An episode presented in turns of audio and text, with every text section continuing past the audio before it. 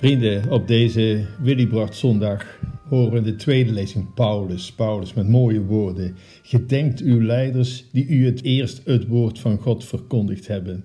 Haalt u weer hun leven en de afloop van hun leven voor de geest. Neem een voorbeeld aan hun geloof. Aldus Paulus. Neem een voorbeeld aan hun geloof.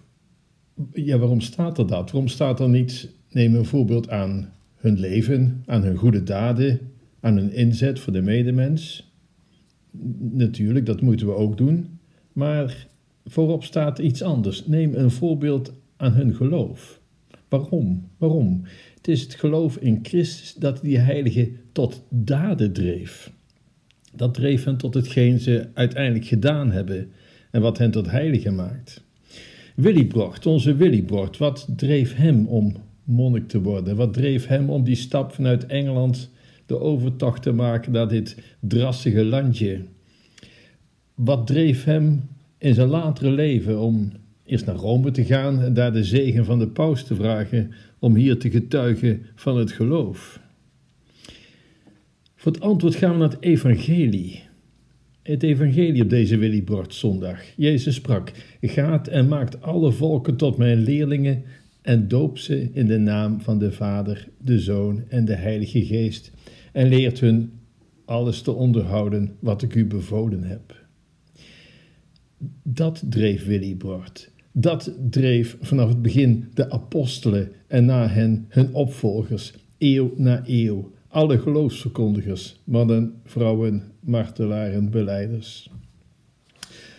Sint Willibrord is allereerst een man van geloof. Waar haal je de inspiratie vandaan om zo'n stap te zetten, zoals Willy Bord? Uit het geloof. Waar haal je de kracht en inspiratie vandaan om de juiste beslissing te nemen? Uit het geloof. Waar haal je de moed en de kracht vandaan om door te gaan door alle tegenslag heen? Uit het geloof. Willy Bord had heel wat weerstanden te overwinnen. We weten het? Angst voor het onbekende, weerstand bij de heidenen die hun eigen zantenkraam hadden, weerstand bij de machthebbers, want die wisten er niet goed raad mee. Maar zijn geloof was altijd sterker. Hij wist dat hij iets goeds te bieden had, iets dat beter is, het allerbeste. Jezus Christus, Gods Zoon, God de Schepper van al wat bestaat, die laat zich kennen. En zij willen het doorgeven. Wat is dat nu eigenlijk voor geloof? Het geloof dat Willy Brocht zo'n kracht gaf. Kracht ook tot die goede daden, die daden van geloof, daden van liefde, daden van wijsheid, daden van vergeving. Wat is dat voor een geloof? Centraal, het fundament, boven alles staat één ding. Daar is alles op gebaseerd. Jezus, die gestorven is, verrijst uit de dood. Ja, hij was echt dood. Daar waren genoeg getuigen van een Romeinse kruisdood, die overleef je niet. Dat, dat is helder. Ze waren getuigen. En ze zagen hem later weer. Hij stond op, uit de dood, uit het graf. Hij verscheen aan mensen. Ook daar waren trouwens genoeg getuigen van. Als dat niet waar is, als Jezus niet vrees is, als dat niet klopt, moeten alle priesters en bisschoppen stoppen met wat ze doen en een baan gaan zoeken. Ik meen het. Paulus is duidelijk, hè? Als Jezus niet is verrezen, zijn alle christenen eigenlijk eh, behoorlijk gek of, of, zielig. In ieder geval, hun prediking is nergens op gebaseerd, is volkomen zonder inhoud. Het gaat dan ook nergens over. Ook de verkondiging van brocht niet. Maar zo is het niet, weest Paulus. Overigens heeft het geen zin om die verrijzenis weg te verklaren. Ik hoor het zo vaak, weg te verklaren als een soort mythe of, of iets louter symbolisch. He, kent het wel, het verhaal gaat door. nou, nee, dan sta ik achter Paulus. Als het dat is, dan laat maar, dan gaat het nergens op. Of de apostelen stonden op uit hun angst. Hoe, hoe vaak hoor je die onzin wel niet? net zoals andere wonderen die ze soms weg proberen te verklaren. U kent wel het bekende voorbeeld van de wonderbare broodvermenigvuldiging. Nou, een wonder niet, maar wat wel. Mensen waren zo geraakt door de woorden van Jezus dat ze allemaal hun lunchpakket tevoorschijn haalden en dat met elkaar gingen delen. Nou, dat was dan het wonder. Nee, mensen, dat is geen wonder. Dat, dat zijn rare sentimenten. Daar kopen we niks voor. En bovendien, dat is misschien makkelijker te geloven, maar, en dat is mijn punt, het is niet de moeite waard om te geloven. Eén ding is volstrekt duidelijk. Lees die Bijbel, lees wat er staat, lees het verslag, kijk wat er gebeurt. Er is iets gebeurd. Iets gebeurd, niet, niet bedacht of geconstrueerd, maar iets gebeurd. Iets volstrekt unieks in de geschiedenis van de mensheid. En het is duidelijk dat de apostelen niet hun hele leven, hun hebben en houden op het spel hebben gezet vanwege iets dat ze zelf verzonnen hebben. Waarom zou je dat doen trouwens? Nee, er is iets gebeurd en het was hun alles waard om wat ze gezien hadden naar aanleiding van wat er was gebeurd nadat Jezus was gestorven en verrezen. Om dat door te geven. Zonder angst hebben ze er zelfs hun leven voor gegeven. Want dat was het waard. Wat kan dat zijn? Jezus die gestorven is, verrezen en hoop uitzicht geeft op eeuwig leven. Het geeft zicht op wat een mensenleven nu eigenlijk is, waar het uiteindelijk om gaat, wat het leven zinvol maakt, wat de kern is van het leven en wat maar bijzaak is en flauwekul. Het blijkt nog het meest pregnant als een mensenleven eindigt. Ja, als een mens sterft, wat dan? Wat dan? We konden daar deze week bij stilstaan, hè? alle zielen. We gedenken dan de overledene. Ik, ik vind toch altijd een mooi beeld uh, van sterven. Wat is dat? Een vergelijking met je staat op de kade, een groot schip ligt voor je neus, dat schip vaart uit en je zegt uh, het vaarwel, je doet het uitgeleide. Naarmate het schip verder wegvaart, wordt het een kleiner stipje aan de horizon, totdat je zegt, hij is verdwenen verdwenen? Nee, natuurlijk niet. Uit het zicht verdwenen, maar natuurlijk niet uit het bestaan. Daar aan die overkant is iemand die zegt: Kijk, daar komt hij aan. Wees welkom. Zo is het ook met sterven. Mensen, zeker, we begraven ze, we begeleiden hun op hun laatste weg. Ze verdwijnen uit het zicht, maar niet uit het bestaan. En daarom nemen we in een kerk afscheid dat ze bij de goede God mogen aankomen. En wij bevelen hen bij de goede God aan. Daar bidden we voor. Dat is onze taak en dat is uitermate zinvol. Wat bij een uitvaart voor het altaar ligt, is een lichaam.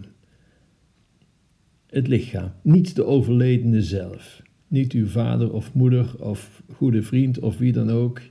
Nee, zij zijn onderweg en daar bidden we voor dat ze bij God mogen komen. Ik weet nog toen mijn vader was overleden en hij lag daar. Je, ziet het gewoon. Slaapt hij? Nee, hij is het niet meer. Hij is niet meer hier. Veel mensen kunnen dat niet geloven. Die houden zich dan maar vast aan de gedachte dat ze voortleven in hun kinderen. Dezelfde oogopslag, de gebaren die lijken op de jouwe. Maar toch, je kinderen, dat zijn anderen, dat ben je niet zelf. Ja, de overledene, waar is die? Ook trouwens bij de erfenis die je achterlaat moet je niet te veel stilstaan. En dan bedoel ik met erfenis niet geld en goed dat je achterlaat, maar het resultaat van je leven. Je hebt misschien een gezin opgebouwd, een zaak opgebouwd, een goede naam opgebouwd, goed werk verricht. Dat is allemaal belangrijk, maar je laat het wel achter je. Je laat misschien mensen achter die goede herinneringen hebben, maar de vraag is: wat heeft de overledene daar zelf aan? Wat heb je daar zelf aan? Ik bedoel dat niet egoïstisch, hè? maar wees reëel. Er komt een dag dat iemand je laatste foto weg, weggooit. Zo gaat het nu eenmaal na een paar generaties. Maar heel, heel reëel, wat, wat heb je eraan als overledene? Ergens voelt iedereen toch wel aan, gelovig of niet gelovig, dat niet het resultaat telt wat heb ik bereikt? Dat, dat kan bereikt zijn met ellebogenwerk. Nee, wat wel de toewijding vooral. Niet telt wat je tot stand hebt gebracht, maar het mededogen dat je dreef. Niet ons belangrijke ik, ons ego, maar de liefde, de compassie, het medelijden. En juist dat soort dingen is wat een mensenleven waardevol maakt, zinvol. En dat kun je niet als iets tastbaars achterlaten, hooguit als herinnering. Trouwens, als de dood echt een einde zou maken aan dat alles, als doodgaan alleen maar een binnengeleide is in, in, in, in niets of een zwart gat of wat dan ook, ja, waarom zou je dan zoveel waarde hechten aan juist deze dingen? En toch, we doen dat. Een mens is toch meer dan een lichaam. Een lichaam is meer dan voedsel en drank. We hebben een geest, een ziel. We kunnen dromen, we kunnen verlangen, we kunnen liefhebben, we kunnen lijden. We dragen in ons mee dat raadselachtige orgaan, ja, een orgaan, onze ziel. Nee, die kun je niet aanwijzen, maar toch, enigszins de werking ervan is in de ogen af te lezen, in een stem te horen, die kan ons ontroeren. Ja, ons leven is toch meer dan spieren en botten en bloed en cellen en hersens. En juist in dat meer speelt zich het diep menselijke af. En het houdt niet op als het lichaam het begeeft. Het is iets vreemds. Het lichaam groeit, er wordt sterker in, nou, pakweg de eerste 25 levensjaren. Op een gegeven moment word je ja, eerder moe, pijntje hier, pijntje daar. Je verliest pigment uit je haren, de gewone dingen. En op een gegeven moment moeten we een lichaam te graven dragen. Dat is het lichamelijke. Het geestelijke daarentegen, nee, dat takelt helemaal niet af. Ook na je 25 dat groeit alleen maar en houdt niet op als het lichaam sterft.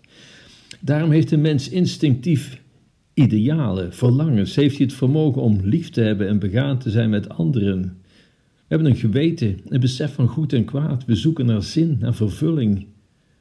En dat zouden we niet hoeven doen als met het sterven van het lichaam alles afgelopen zou zijn. Dit soort oerinstincten dat een mens heeft, er is altijd een realiteit die eraan beantwoordt. honger zou, zou niet bestaan als er geen voedsel zou bestaan. Een pasgeboren kind, dat gaat automatisch zoeken de moederborst. Niemand heeft hem ooit verteld dat hij moet eten om een leven te blijven. Niemand heeft hem überhaupt verteld wat eten is. En toch, dit soort oerinstincten, daar beantwoordt iets aan. Ook dat het iets uitmaakt of je leeft als moeder Teresa of als een lompe egoïst. Iedereen voelt aan dat een leven geleefd in liefde, dat dat niet zomaar onbeantwoord kan blijven als een lichaam sterft. Kijk eens naar het leven van Jezus, Gods zoon, de mens naar Gods hart. Bij hem is elke zelfzucht vreemd. En juist daardoor maakte hij de volheid, de zin en het doel van het leven waar. En het is vreemd, maar naarmate we meer leven zoals hij, worden we minder bang voor verlies, voor vernietiging, voor de dood. Hoe meer een mens leeft voor zichzelf, hoe meer hij vastklampt aan bezittingen, hoe banger hij is voor de dood. Maar juist hij die onbaatzuchtig leeft, vooral het welzijn van anderen voorop zet, die voelt zich vrij, echt vrij.